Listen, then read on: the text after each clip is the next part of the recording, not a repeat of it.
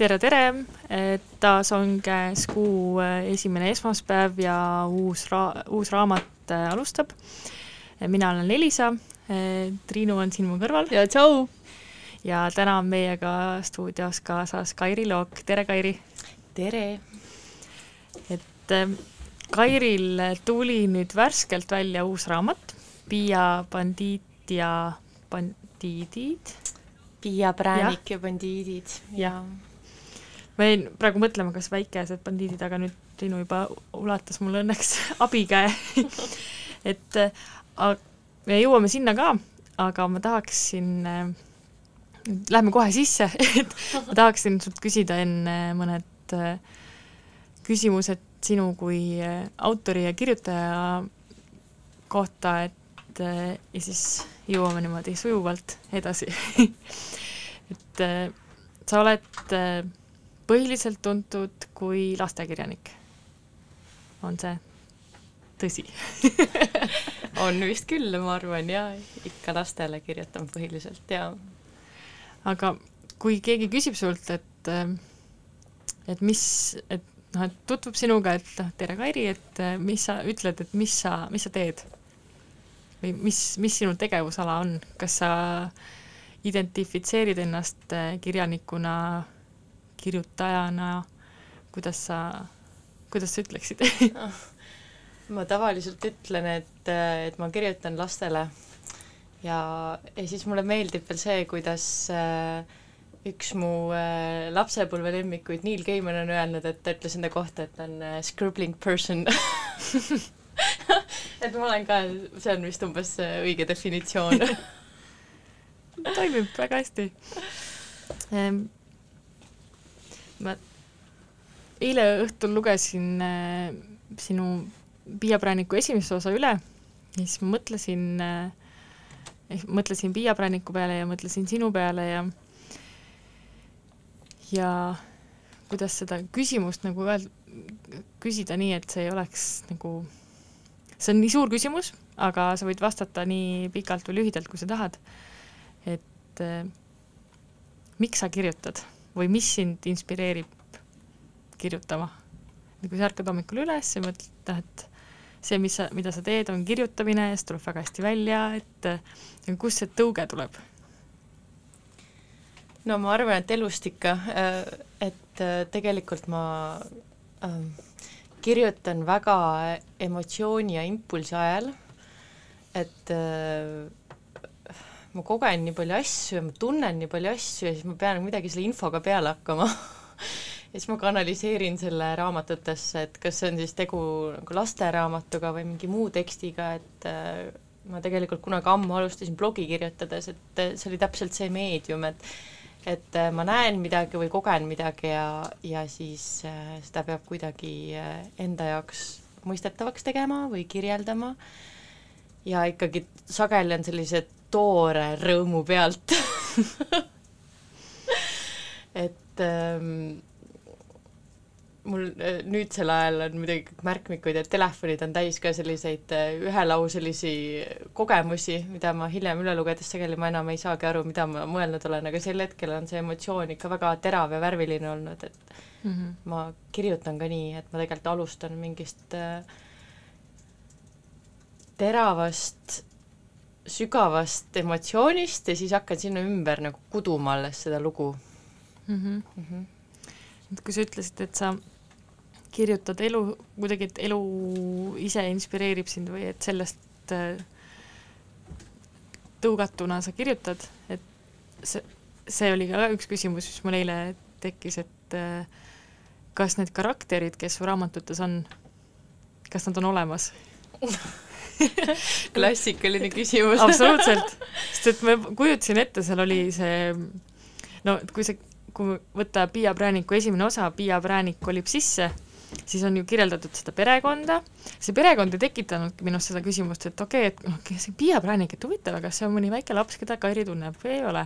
noh, see käis nagu hästi korraks lihtsalt läbi, aga siis näiteks need karakterid, kes seal äh, majas on, nagu see noor poliitik, kes elab salapärast elu ja siis see, see naabritüdruk, aga siis eriti veel see naabritüdruku Peika, kes on kus, ta on nagu mingisugust äh, väga nagu konkreetselt rolli täitis kuidagi või nagu mingit stereotüüpi äh, piltlikustas, keda ma, kellega ma olen kokku puutunud, et mul tekkis nagu mingite tegelastega väga nagu tugevaid seoseid läbi selle, et ma tunnen justkui sellist inimest uh. -huh. ja sellepärast äh, tekkis ka see küsimus vot, vot, aga äkki tunnedki.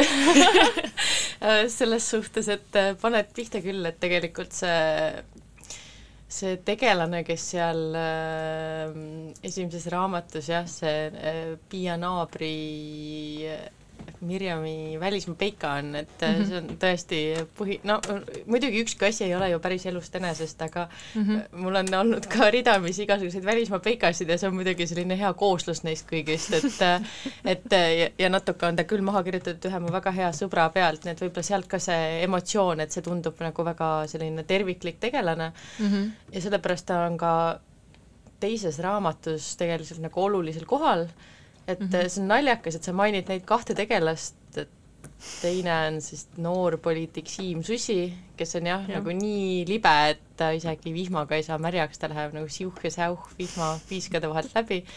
et äh, ka tema on selles teises raamatus nagu oluline ja mm, -hmm ja tõesti, kui ma teda kirjutasin, siis ma tegelikult, mul nagu miskit oli silme ees, aga nüüd ma tean küll täpselt, noh, peaaegu et täpselt, kes see meil siis on nüüd Eesti poliitikast, aga ma arvan, et ta üsna hästi äh, katab kõiki noori ambitsioonikaid äh, poliitika valdkonnas tegutsevaid kodanikke, võib ta hästi iseloomustada vist.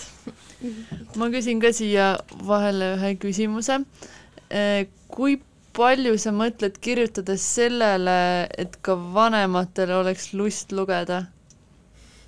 ah, tead, tegelikult ma üldse ei mõtle, ma ei, ma mm. nagu üldse ei mõtle oma lugejale tegelikult selle, ma kirjutan lihtsalt seda lugu, mis tahab tulla, kus on see mm, elu ja emotsioon ja nali sees, aga tõsi see on, et äh, minu raamatutes minu meelest küll on nalju täiskasvanutele, et äh, ma nagu ei roogi neid välja, kui, kui on mingi selline äh, kaheti tasand või, äh, või mõni äh, situatsioon võib olla nii üht kui teistpidi mõistetav, et mu enda jaoks on seda huvitavam kirjutada, see on lõbusam, laps saab sellest ka ühel hetkel aru või ta saab aru, et midagi siin toimub, et ähm, ma tavaliselt ütlen, et ma kirjutan oma sisemisele lapsele, et äh, tegelikult ongi nii, et seal on see nii-öelda laps äh, autor või laps, lapspublik, aga seal on ka tegelikult see täiskasvanu, kes on ka nagu justkui laps, et noh, kes see täiskasvanu üldse on, et keegi kunagi ütles väga tabavalt, et täiskasvanu on lihtsalt pikka kasvav laps, kellel on õlleklaas käes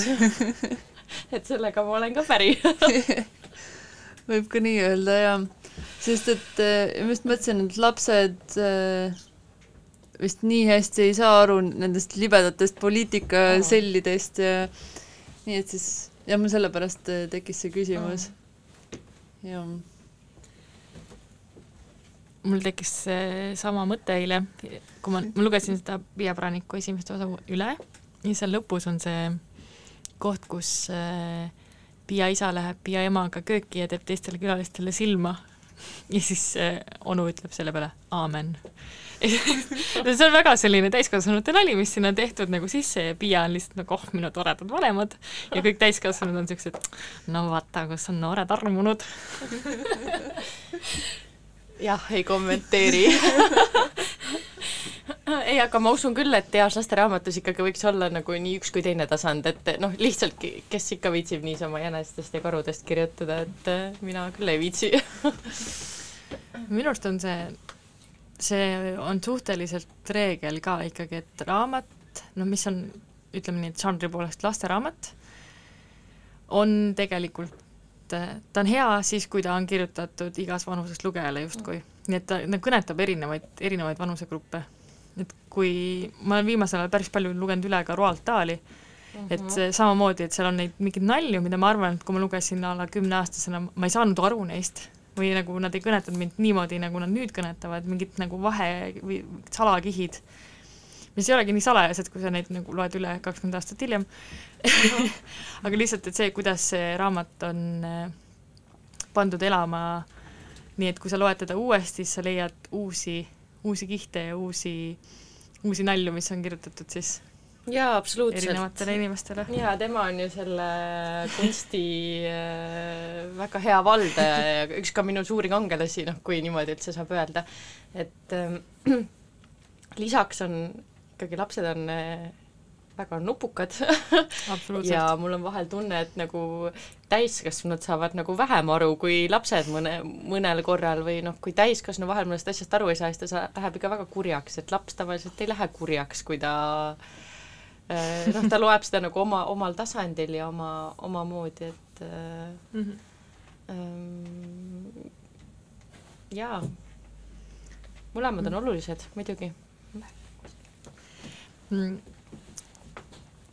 Sul on äh, päris äh, palju juba lasteraamatuid, aga me täna otsustasime siis keskenduda Piia Prääniku lugudele, sest et see värskelt tuli see teine osa välja. Ja ma tean, et sa rääkisid mulle sellest üks päev poes, Pandis, aga ma tahaksin nüüd äh, ajaloo huvides küsida siin otse-eetris sult ka.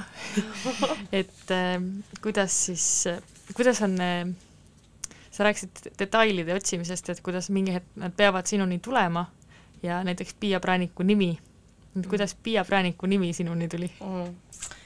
jaa, Piia oli olemas mul algusest peale tegelikult need esimesed Piia lood sündisid äh, Tähekese ajakirja jaoks ja siis üks hetk ma vaatasin, et ohoo, et siit hakkab midagi kooruma ja siis hakkasin nagu neid kokku panema ja, ja sealt tuli see esimene raamat, aga jah, seal oli lihtsalt Piia. Ja siis äh, raamat oli juba nii-öelda olemas, aga oli tarvis tõesti pealkirja. ja noh, pealkirjade tegemine ei ole mingi eriline rõõm ma võin öelda, vähemalt minu jaoks on see päris paras õudus ja ma teadsin, et sinna pealkirja on tarvis mingit sellist head perekonnanime ja nüüd noh, sellist head tegelase nime, ma olin sel ajal äh, ühel puhkusereisil, kus ma pidin niisama nagu logelema ja, ja. Pidid logelema? või noh, idee oli see, et ma olen seal puhkusel siis ma tegelikult tegin, oli see, et ma kõndisin mööda seda rannapulevardi edasi-tagasi iga päev ja mõtlesin, et Piia, Piia, Piia, no mis see perekonnanimi peaks olema ja no see võttis ikka päevi aega ja noh, ma ka ei teadnud, et ta nii-öelda siis, ma teadsin, et ta sisse kolib, aga ma veel ei teadnud, et ta sisse kolib pealkirjas, et esimese, see on esimese raamatu pealkiri Piia präänik kolib sisse mm,.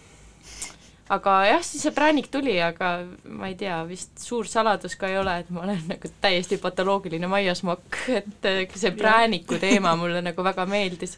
ja mulle meeldis see ka, et see Piia on selline nagu tarmukas tüdruk, kes ei taha printsessiks, aga kes tahab nagu bioloogiks saada ja, ja ta nagu haldab kogu oma seda hullu perekonda ja et mulle nagu meeldis ka see, et, et nagu paras präänik, et ähm, noh, inglise keeles on sellele ka hea võrdlus, et see tough cookie on ju, et mm -hmm. natuke see ongi, ta ongi natuke selline karakter, et kui see präänik tuli, siis ma teadsingi kohe, et see ongi Piia präänik. ja mina ei oskakski seda nüüd lahti temast noh, tema, seda eraldi näha, sest et mm ma nägin esimest korda seda raamatut, kui ta oli Piia präänik, ongi mm. kas inglise keeles on eh, Piia biskuit oli või kuidas ta oli? jah, ta oli. on Piia biskit jah, mhm. praegu mm -hmm. Tough cookie jäi mind kummitama lihtsalt praegu see ja äh, nende raamatutega, mis nüüd raadiost ei tule üldse välja ja mille pärast te kindlasti peate meile kõik pärast külla tulema, on eh, see, et et Kairi, Kairi ja Ulla Saare koostöö siin raamatus, et Ulla on teinud pildid mõlemale osale, suurepärased ja noh, läbi selle muidugi hakkab, minul hakkas või kuidas ma nüüd ütlen, ühesõnaga mina olen ju näinud seda Ulla pilti äh, Piiast ja mis ma sinult tahtsin küsida, on, et kuidas sa ise Piiat ette kujutasid, enne kui Ulla pildi joonistas mm. -hmm. mul ei olnud tegelikult päris selget ettekujutust, aga ma muidugi teadsin, kuidas Ulla joonistab ja ta on mulle alati väga meeldinud juba enne seda aega, kui ta tegelikult üldse raamatuid hakkas illustreerima. kui ta tegi igasugust muud graafikat ja kaarte ja äh, ja siis, kui ta tegi need esimesed sketšid mm, -hmm ja seal oli see Piia peal, siis ta mulle ikkagi kohe väga meeldis, et äh, aga mul tõesti sel korral ei olnud nagu selget ettekujutust, et pigem äh, noh, ma tean, milline Piia on ja kuidas ta mõtleb ja nii, aga ma arvan, et see Ullal on nagu väga hästi õnnestunud, et meil on selline, me ise nagu naerame, et niisugune dünaamiline duo. Et äh, minu meelest äh, nagu väga ei taha ette ka kirjutada või noh, üldse ei taha ette kirjutada illustraatorile, et mida ta peaks joonistama ja kuidas, et äh, Ullaga on selles suhtes hea, et annan talle selle teksti alati pool aastat hiljem, kui lubatud ja siis ta isegi ei ole kuri ja siis joonistab ja siis, kui ma neid pilte näen, see on alati selline tohutu heuraka efekt, et mulle alati väga on meeldinud. aga kas te et äh, sina saadad Ullale teksti ja tema saadab sulle pilte vastu, see ongi see, see koostöövorm? või on teil, äh, kui palju te põrgatate neid eda-, ideid edasi-tagasi mm,? tegelikult väga ei põrgata, et tema saab minult alati selle lõpliku käsikirja, sest eks ta ka teab, et autorid võivad olla niisugused äh, parajad perverdid, kes hakkavad asju ümber tegema et, äh, et siis sel hetkel nagu ei ole enam mingit asja, et kuule, kirjutan veel siia paar peatükki ja kustutame selle tegelase ära ja mm -hmm. et äh, selliseid asju nagu ta oskas ette näha, et neid võib esineda mm. -hmm. nii et, äh, et temale ma alati saadan nagu ka selle lõppteksti ja siis Ulla asub tegutsema, et me natukene no ta, ta siiski näitab mulle oma pilte, et on illustraatoreid, kes äh, väga ei näita enne, kui on peaaegu valmis, vähemalt äh, mul on olnud nii üht kui teistpidi koostööd mm. -hmm. ja vahel on mingi endal mingi pisike kinnisidee või mingi mõte, mida tahaks, et seal pildi peal oleks, aga üldiselt ei ole ja seda on ikkagi väga huvitav vaadata ja vahel on ka äh, noh, mingeid toredaid kokkusattumisi või, või nagu ka möödarääkimisi või kuidagi, et ise oled ette kujutanud, et mingi tegelane on näiteks mees või naisterahvas ta ja siis Ulla on nagu teistpidi joonistanud, et seda on tegelikult õudselt kihvt vaadata, kuidas see välja kukub mm. -hmm. um, jah, meil on tore koos jäin praegu mõtlema, et mingi, kes mingi tegelane, keda ma lugesin alguses ja siis nägin seda pilti, et kuidas see muudab, et äh, see parun, koer parun on noh, loed alguses Bernhardin on ju jah uh, -huh. suur koer ja siis tuleb see pilt ja siis ta muutub nagu kuidagi kolm korda totakamaks ja armastusväärsemaks samal ajal. et see Ulla parun on lihtsalt super, super äh, tegelaskuju. et tervitame siis Ullat, kui ta meid peaks kuulama nüüd või, või hiljem. Jaa, tervitame, tšau Ulla, tšau, mis teed? Tšau, mis teed on täpselt see asi, mis tõenäoliselt nüüd jääb äh, pidama pärast taaskordset lugemist. ma tean, et sa, kui sa midagi Instagrami postitad, sa paned alati mingisuguseid kindlaid hashtag'e, mis ongi siis tšau, mis teed ja kuidas sul see kommi hashtag on?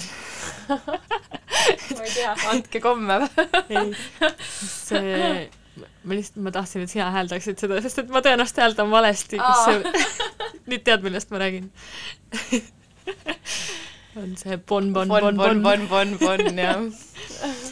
et see tšau, mis teed, on, on hea. kas teeme ühe laulu vahepala ja siis äh, loeme, meie loeme Triinuga äkki midagi natuke ette ja siis äkki sina loed äh, teisest osast ette ja siis äh, räägime veel uh. Mhm. -huh.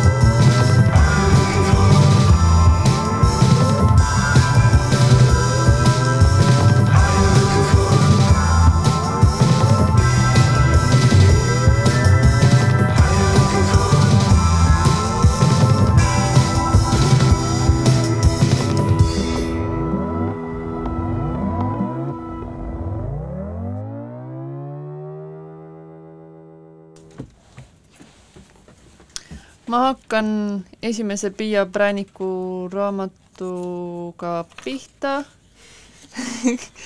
ja võtan siit kohe esimese äh, peatüki. präänikud kolivad sisse. hoovil kõlas pidurite kriiksatus. tulevad, hüüdis Piia aknalt. kastide vahelt kostis teibikärinat ja tasast kirumist. ema-isa pakkisid ahvikiirusel viimaseid asju kogu korter oli juba maast laeni kaste täis ja nende vahel looklesid käigud. elutoast kööki minekuks tuli võtta näiteks vasakpoolne käik ja ronida üle kohvri. vetsu sai paremalt tunnelist ja Piia tuppa köögilaua alt. tõeline mutiurg, ohkas ema, aga see polnud muidugi tõsi. Marja tänaval ei elanud ühtegi mutti, ainult Piia, ema ja isa. ja siis loomulikult veel Nuustik, kes pikutas parajasti kohvrihunniku otsas ja pistis viinereid. nagu kassidel kombeks, polnud tal kuhugi kiiret ja ta kõlgutas mõnuga käppi. kiirustamine, see oli inimestele. viinerid ja pikutamine aga kassidele. ta oli just plaanis, tal oli just plaanis end kõhu alt sügada, kui klopiti uksele. Piia tegi ukse kolimispoistele lahti ja kastid viidi autosse kõigepealt kadusid pikk pakid sildiga raamatud, juhtmed ja nõud ja kõige viimasena Maia konf mitte näppida. mitte näppida kast kuulus emale ja huvitas isa väga. ta oli selle ümber igal õhtul mitu tiiru teinud, aga katsuda ei julgenud. kui poisid kasti õlale vinnasid, läigatas isa silmis igatsev helk. lõpuks mürtsatas furgooni luuk kinni ja präänikud ronisid autosse hall korrusmaja jäi aina pisemaks, kuni kadus viimaks silmist. noh, preilid, lähebki lahti, pööras isa esiistmel ringi. mõtlesin, et aeda võiks võrkkiige panna ja pingsilaua ja grilli ka. ja talvepuud, lisas ema.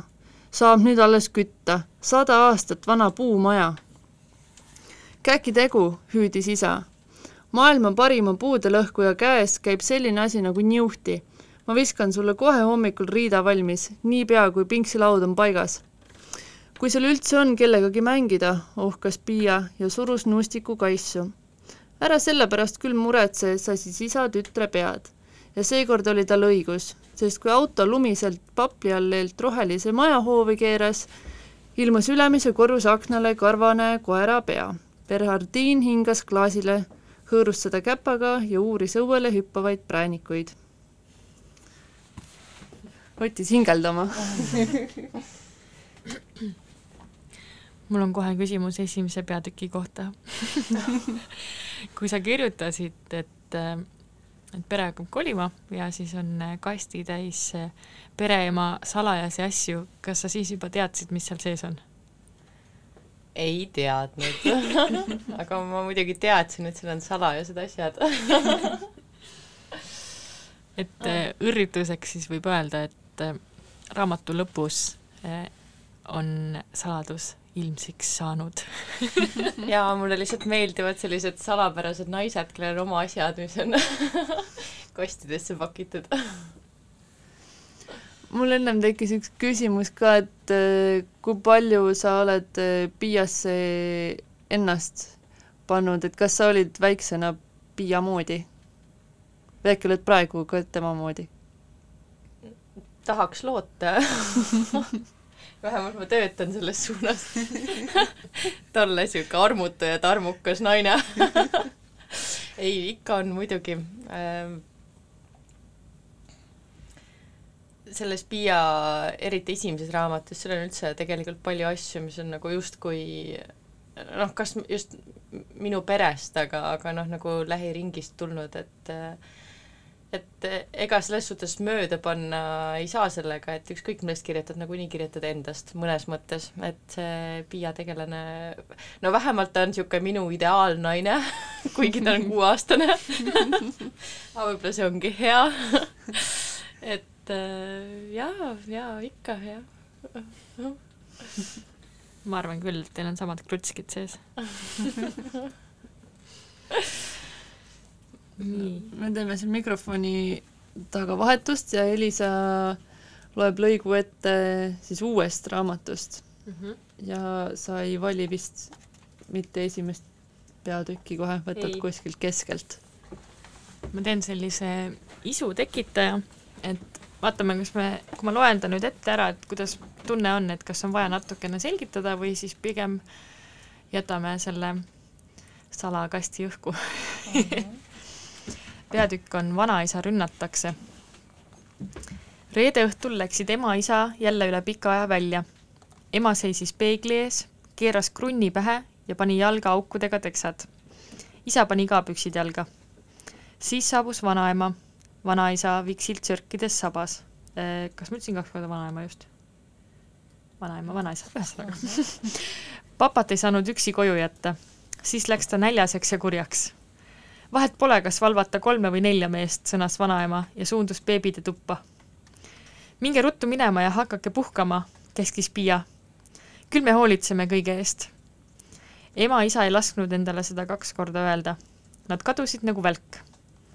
vanaema pani beebid magama ja peagi valitses majas rahu. vennad ja vanaisa norskasid vanemate voodis. vanaema ja Piia vaatasid elutoas filmi. kuid ei läinud kaua, kui midagi juhtus voodis avanesid kuus hiilgavat silma. Need olid helerohelised, vilkusid ja jõllitasid vanaisa. reklaamipaus oli poole peal, kui beebide juurest kostis kole karje. Piia hüppas püsti ja jooksis kõrval tuppa. vanaisa kiikus voodi serval ja hõõrus ehmunult käsivart. kolmikud lamasid vaguralt, silmad kinni. mis lahti? küsis vanaema ukselt. vabandust, mulle tundus justkui keegi hammustas mind üks suurte lõugadega metsik loom. vanaisa susistas, ta proteesid seisid öökapil klaasis. see lõugadega loom on sul eilsest peost, teatas vanaema ja läks teleka ette tagasi.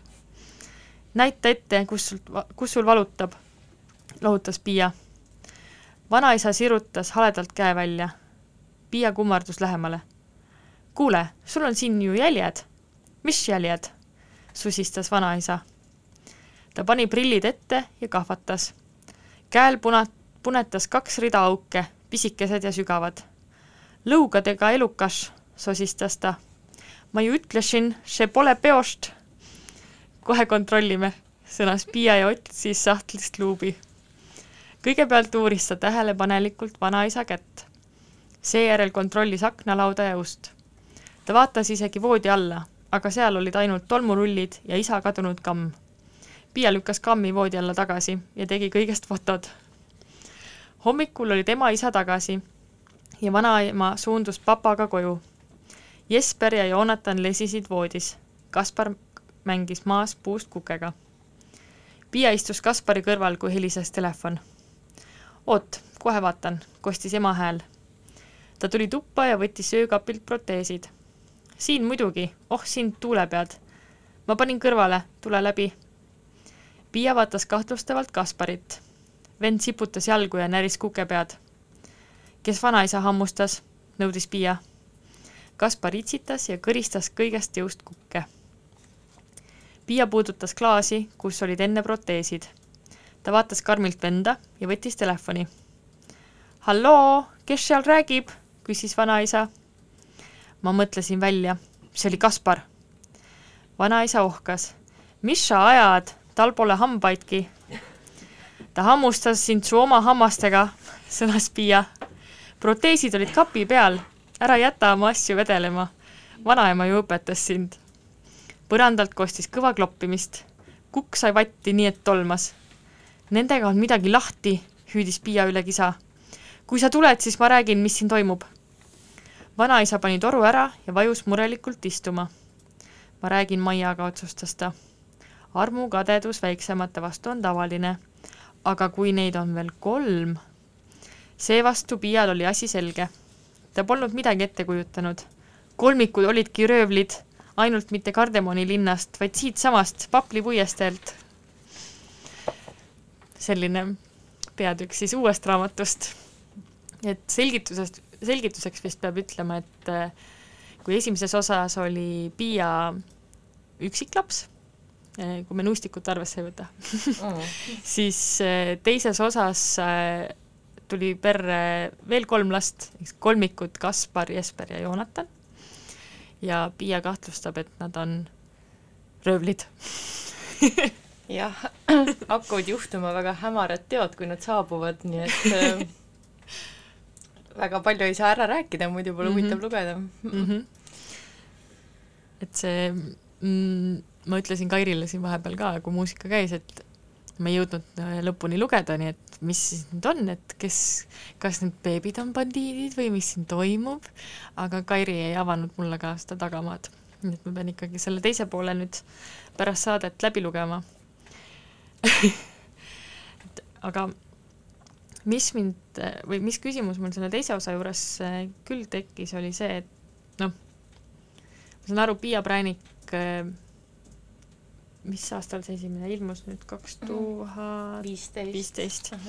et äh, sai loodud ja tal nagu tekkis oma, oma elu, oma hingamine, et kas see Piia Präänik elas sinuga nagu kaasa nagu edasi või miks, miks või kuidas see teine osa sündis? elas küll jah, sellepärast et äh, see raamat nagu võttis kuidagi veel oma, hakkas nagu oma elu elama, sest kui ta ilmus kaks tuhat viisteist, siis sellest järgmisel aastal tehti tast Vikerraadios õhtujutt, mille luges siis Ülle Kaljuste ja need saab siiamaani kuulata, et võib-olla mõned äh, lapsed ja laisad täiskasvanud, kes ei viitsi oma lastele ette lugeda õhtuti, on kursis selle looga um, aga siis hakkas see Piia Präänik täiesti oma elu elama, sest Ülle Kaljuste loeb seda lihtsalt nii fantastiliselt hästi sisse.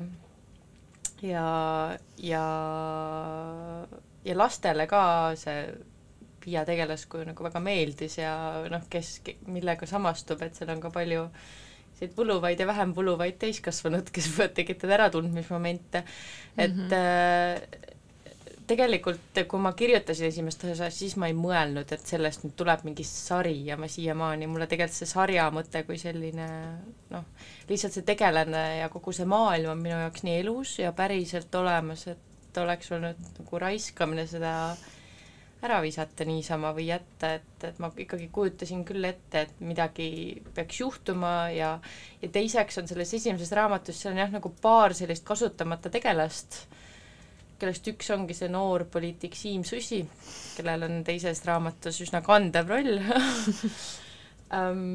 et tema kohta paljud just täiskasvanud lugejad ütlesid mulle, et see on selline intrigeeriv tegelane, aga samas et, nagu mis toimub, ja siis ma ütlesin, oodake, oodake. Et, et jah, nüüd ta, nüüd ta nagu tegi comeback'i nagu vanad rokkarid, et ähm, ma arvan, et niimoodi sünnivadki nagu need sellised sarjaraamatud, et need tegelased lihtsalt muutuvad nagu päris, päris osaks sinust, siis sa ei taha neist kuidagi nagu lahti lasta, et praegu ka ikkagi mulle nagu see maailm endale väga meeldib küll mm. -hmm. mm. -hmm. mis äh, esimese ja teise raamatuga kuidagi teravalt esile kerkis või noh, teravalt on võib-olla vale sõna, see on kuidagi liiga, liiga tugev aga et see tegevus on põhiliselt ikkagi seal Papli puiesteel. Et näiteks noh, kui Piia läheb kooli, siis me sellest koolist väga midagi ei kuule, teises osas äh, tuleb see sõber sealt koolist ja nagu vähemalt üks seik kindlasti on sealt koolist, aga et see, see maja seal Papli puiesteel on ka justkui omaette karakter. Mm -hmm. et ta on, noh, ta ongi tugevalt selle looga seotud, et kas, kas see on teadlik valik või see kuidagi juhtus nii, et et see on see koht ja, ja ei, see, see on kuidagi väga loomulik valik, ma arvan, et äh,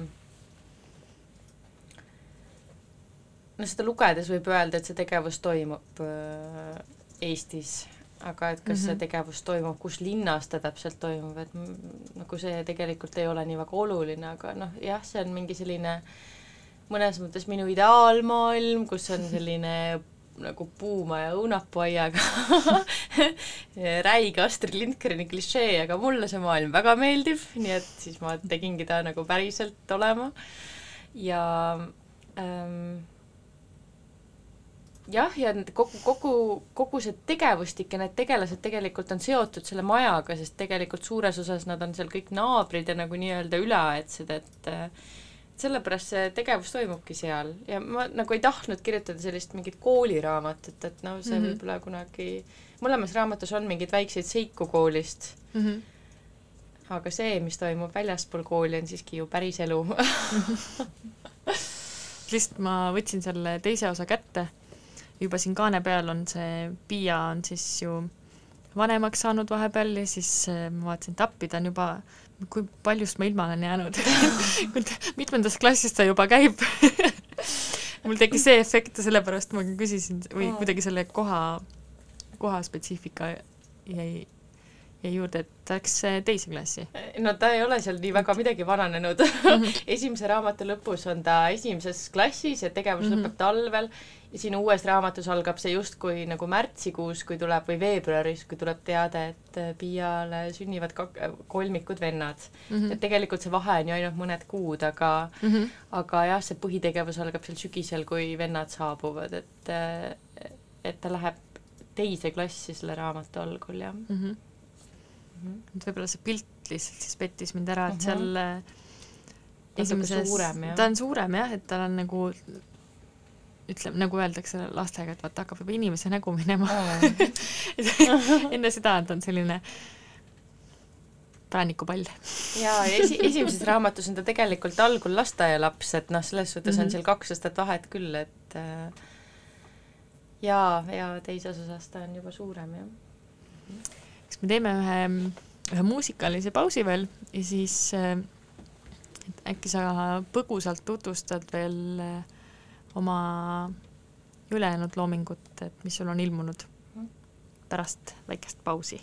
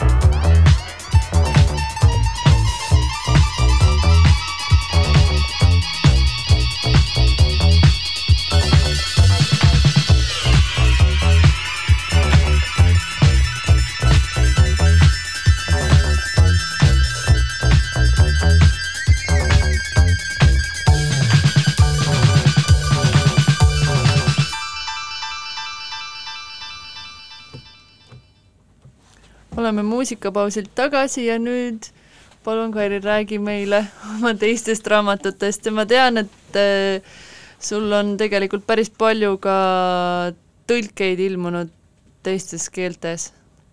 et äh, kes otsustab, mis keelde sinu raamatud saavad ja miks just need? väliskirjastaja otsustab jah, see aasta on kuidagi eriti hea saak olnud. Et äh, muidugi kirjutajana on selles suhtes tore, et lihtsalt nagu kogud feimi ise midagi ei tee. teised nagu äh, tõlgivad ja teevad ja see on väga suur töö ja ma olen väga ülitänulik oma tõlkijatele, kes on neid asju tõlkinud, et äh, tänavu ilmus äh, vist kolm või neli tõlget ja enamik neist on äh, lasteromaanile, mille nimi on Lennujaama lutikad ei anna alla, mis ilmus ka äh, tegelikult juba tükk aega tagasi, kaks tuhat neliteist, aga see on selline nii poiste kui tüdrukute seiklusraamat Äh, mis räägib ühest vanast lennujaamast, kus lähevad asjad käest ära ja siis seal elab igast sorti sitikaid ja, ja noh, see on niisugune, seal saab nagu nalja ja pauku kõvasti. pildid joonistas Kaspar Jantsis veel, mis võib-olla ka toob pildi silme ette, et mitte millega tegu on. et see raamat on nüüd ilmunud äh, prantsuse keeles, soome keeles äh,, läti keeles ja kohe tuleb vene keeles ka, et et, et see on nagu kõige rohkem tõlgitum raamat ja, ja siis see Piia präänik olib sisse ehk Piia esimene osa, et ka see ilmus just Soomes, et äh, tänu sellele on päris palju Soomes esinemisi olnud, mis on tore, sealt saab Soome komme tankida. Väga oluline. Um, et äh, jaa, ja tegelikult on tore ka, sest äh, tõlgetega on vahel nii, et äh, vahel kasutatakse originaali, aga kuna mina kirjutan siis nagu pikemaid raamatuid, et mis ei ole pildiraamatud tegelikult, et siis vahel on ka see, et tehakse uued pildid, mida on nagu kah huvitav vaadata hästi autorina, et sellele lennujaama lutikate raamatu prantsuskeelsel versioonil on hoopis teistsugune visuaal kui eestikeelsel, mis on äh, ka nagu tore näha mm. -hmm. aga kas on nii ka juhtunud, et et tulevad siis selle tõlke juurde need uued pildid ja sa mõtled, et oi-oi, see nüüd küll päris hästi ei sobi. Äh, no tegelikult mul nii palju kogemust ei ole, et äh, sellel Lutika raamatul ongi tehtud uued pildid, et teised on kasutanud originaalne mm aga mm. ei, need mulle küll meeldisid, et nad on sellised väga prantsuslikud tegelikult, et kogu see raamat on väga prantslaslik ähm,. Mm, sobivad väga hästi, hoopis teistsugused on, väga kihvtid, mulle meeldib. Ja kas nii-öelda siis Eesti lastele mõeldud jutud lähevad ka teistsuguse kultuuritaustaga lastele hästi peale? Või kuidas nende vastuvõtt on olnud, kui palju sa seda tead, mis tagasiside on olnud? Äh, noh, siiani väga positiivne, ma ei tea, võib-olla kirjastajad varjavad mu eest aga noh, üldiselt on ju keeruline saada äh, selliseid nagu nii-öelda ajakirja arvustusi lasteraamatutele, noh nii Eestis, aga välismaal veel eriti. aga nii palju, kui nagu lugejad on öelnud, siis on ikkagi need asjad mis on tõlgitud, on meeldinud ja võib-olla ka see lennujaama lutikate raamat on selles suhtes nagu kõige rahvusvahelisem, et seal tõesti on lihtsalt üks suur lennujaam, kus toimuvad hämarad teod, et, et see ei ole nagu otseselt seotud nüüd sellega, et ma siin Eestis olen ja et Eesti autor. Piia Prääniku raamatud on muidugi, see maailm on nagu rohkem eestipärane ja mis just tuli mulle üllatusena, oli see, et Soomes eelmisel nädalal esinesin ühel messil ja seal äh, see moderaator ütles kuidagi nii, et jah, et kes seda Piia lugusid loeb, et ta kohe tunneb ära, et ta on selles raamatus kas nagu Karlovas, kus on puumajad Tartus või Tallinnas Kalamajas, et, et Soome lugejale nagu väga tuttav keskkond siis mm -hmm. ise nagu kratsisin kukalt, mõtlesin mm, ise nagu nii ei mõelnud, aga võib-olla tõesti selles on mingi tõde ja et see maailm on ikkagi noh, põhiliselt on minu tõlked olnud nagu lähematesse riikidesse, et, et see maailm on võib-olla ka tuttavam nagu Läti, Leedu, Soome lastele mm, -hmm. kuigi jah, ka mu raamat üks on tõlgitud ka saksa keelde, et ta on ka kaugemal, aga see kindlasti mõjutab jah, et mis on sellise, selle riigi nagu see kultuurikeskkond ja, ja nagu laste lugemise stiil või kuidas nüüd öelda, Harjumus et harjum-, harjumused ka, et noh, Eesti lapsed selles suhtes on muidugi eriti vinged, et siin loevad lapsed nagu pakse raamatuid, kui noh, Prantsusmaal nad loevad koomikseid, et siis nagu lajatad selle kakssada lehekülge õue peal, ütled jah, mingid seitsmeaastased loevad. Siis kõik Prantsuse memmed tahetavad, vot selline kultuur teil seal. aga tegelikult äh, see tõesti nii Eestis on, võrreldes muude riikidega, kus on palju rohkem sellist äh, pildiraamatu kultuuri, koomiksi kultuuri, et siin ikkagi esimestes klassides juba loetakse pakse raamatuid, et Jaa. äh, mulle pigem tundub, et nagu mida edasi, seda nagu kui ma vaatan vahel, mida täiskasvanud loevad siis mõtled, et oo oh, bože moi, aga arust lapsed loevad väga head kirjandust meil siin Eestis aga kui me jätame sinu raamatud kõrvale ja räägime natuke siia lõppu sinust endast veel, et kuidas need kaalukausid on, kui palju sa ise loed lasteraamatuid eh, versus siis äh, nii-öelda täiskasvanute raamatud mm.? No ma loen põhiliselt ikkagi kaasaegset täiskasvanute kirjandust ja ma tegelikult loen päris palju inglise keeles ka.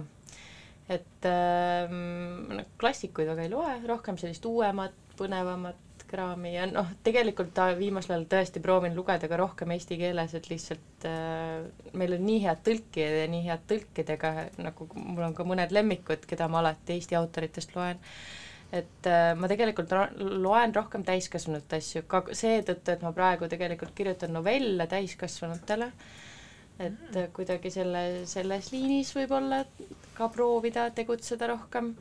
Ja lasteraamatuid ma loen, aga ma olen ülivaliv et äh, ma tõesti äh, loen selliseid enda lemmikautoreid või asju, mida, mille kohta ma tegelikult nagu kohe tean, et see mulle meeldib mingil põhjusel, sest see on kas sama, sama tüüpi huumor või või lihtsalt väärt kraam, et äh, hiljuti ma komistasin raamatukogus siis raamatu, mille nimi oli Kaevame vanaema üles ühe Rootsi autori raamat, kohe teadsin, et see mulle meeldib, no muidugi meeldis sellised morbiidsed teemad. Ei, tegelikult on seal väga tore must huumor ja is isegi mitte nii väga must, et äh, lisaks palju leidlikke lahendusi, mida teha, kui juhtuvad kurvad sündmused perekonnas. Äh, nüüd selle raamatu jutu peale läks mul meelest ära, mis ma veel tahtsin küsida, siis ma jäin mõtlema, et ma tahaks ka seda lugeda. Meil on veel äh, ütleme viis minutit lõpuni mm.. kiirküsimused. mul võib-olla on väga kiir küsimus, võib-olla ei ole, et vaatame, kuidas, kuidas läheb, et kas me veel paneme siia ühe loo lõppu või mitte. aga kuidagi meil on nagu mõnusaks äh, tavaks saanud juba Triinuga siin lõpus küsida äh, lugemissoovitust. et see võib olla mis iganes, mida sa, mida sa viimati lugesid, mis sulle meeldis, miks meeldis ja mida, kellele sa seda soovitad või kõigile mm. -hmm. vot oleks võinud enne mulle seda öelda um. ma tean küll, keda sa tahad soovitada. jah, tead jah, eks ma siis soovitan teda, sest ta mulle, ma lugesin alles üleeile ja mulle no väga meeldis Urmas Vadi viimane raamat, mille pealkiri on äh, elu mõttetusest. Elu mõttetusest, see on suurepärane pealkiri ja see raamat on ka väga tore, sest see räägib äh, jah, ühest linnast, kus elavad nagu nii-öelda mõttetud inimesed, kellel on minu meelest väga palju häid mõtteid, aga, aga, aga palju selliseid tegelasi ka, keda enda elust ära tunda.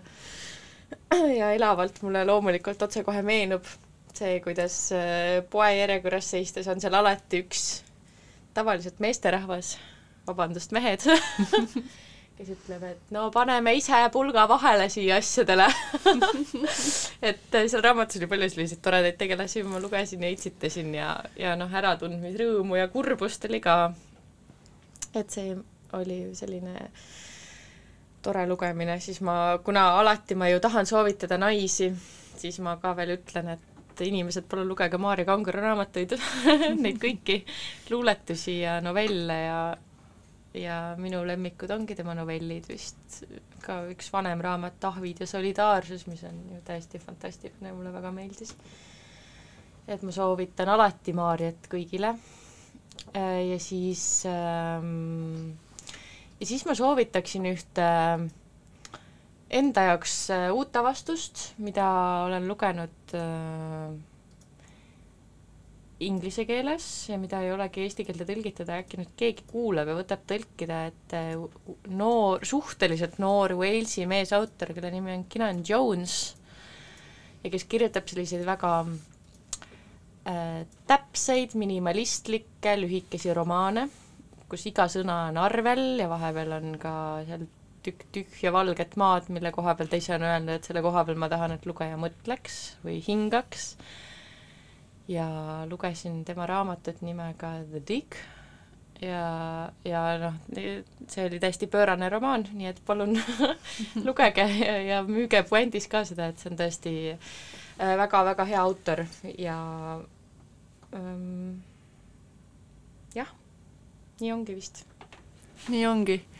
Ja tuleb veel viimane lugu ja kohtume kuu aja pärast ja üks väike märkus veel, jah, seitsmendal eh, detsembril tasub tulla Telliskivi loomelinnakusse, sest meil on siin jõulukingipäeva ja me tuleme igast saladustega ka, äh, välja. Ja siis, kui juba siin teadaandeid äh, edasi anda, siis teisipäeval, kümnendal detsembril sai ka nüüd lukku järgmine tõlkekirjandusõhtu ja meile tuleb külla Jan Kaus, kes räägib eh, kahe tuhande üheksateistkümnendal aastal ilmunud tõlkekirjandusest. ta on teinud valiku ilukirjandusest ja, ja mõttekirjandusest ja mis, mis raamatud täpsemalt tutvustusele tulevad, selle seda ma ei ütle vaid seda saab kuulda siis, kui tulla kohale või siis tõenäoliselt saab hiljem ka salvestust kuulata. aga pigem tulge kohale. aitäh, Kairi, et sa meiega ühinesid täna siin, siin Ida konteineris. aitäh!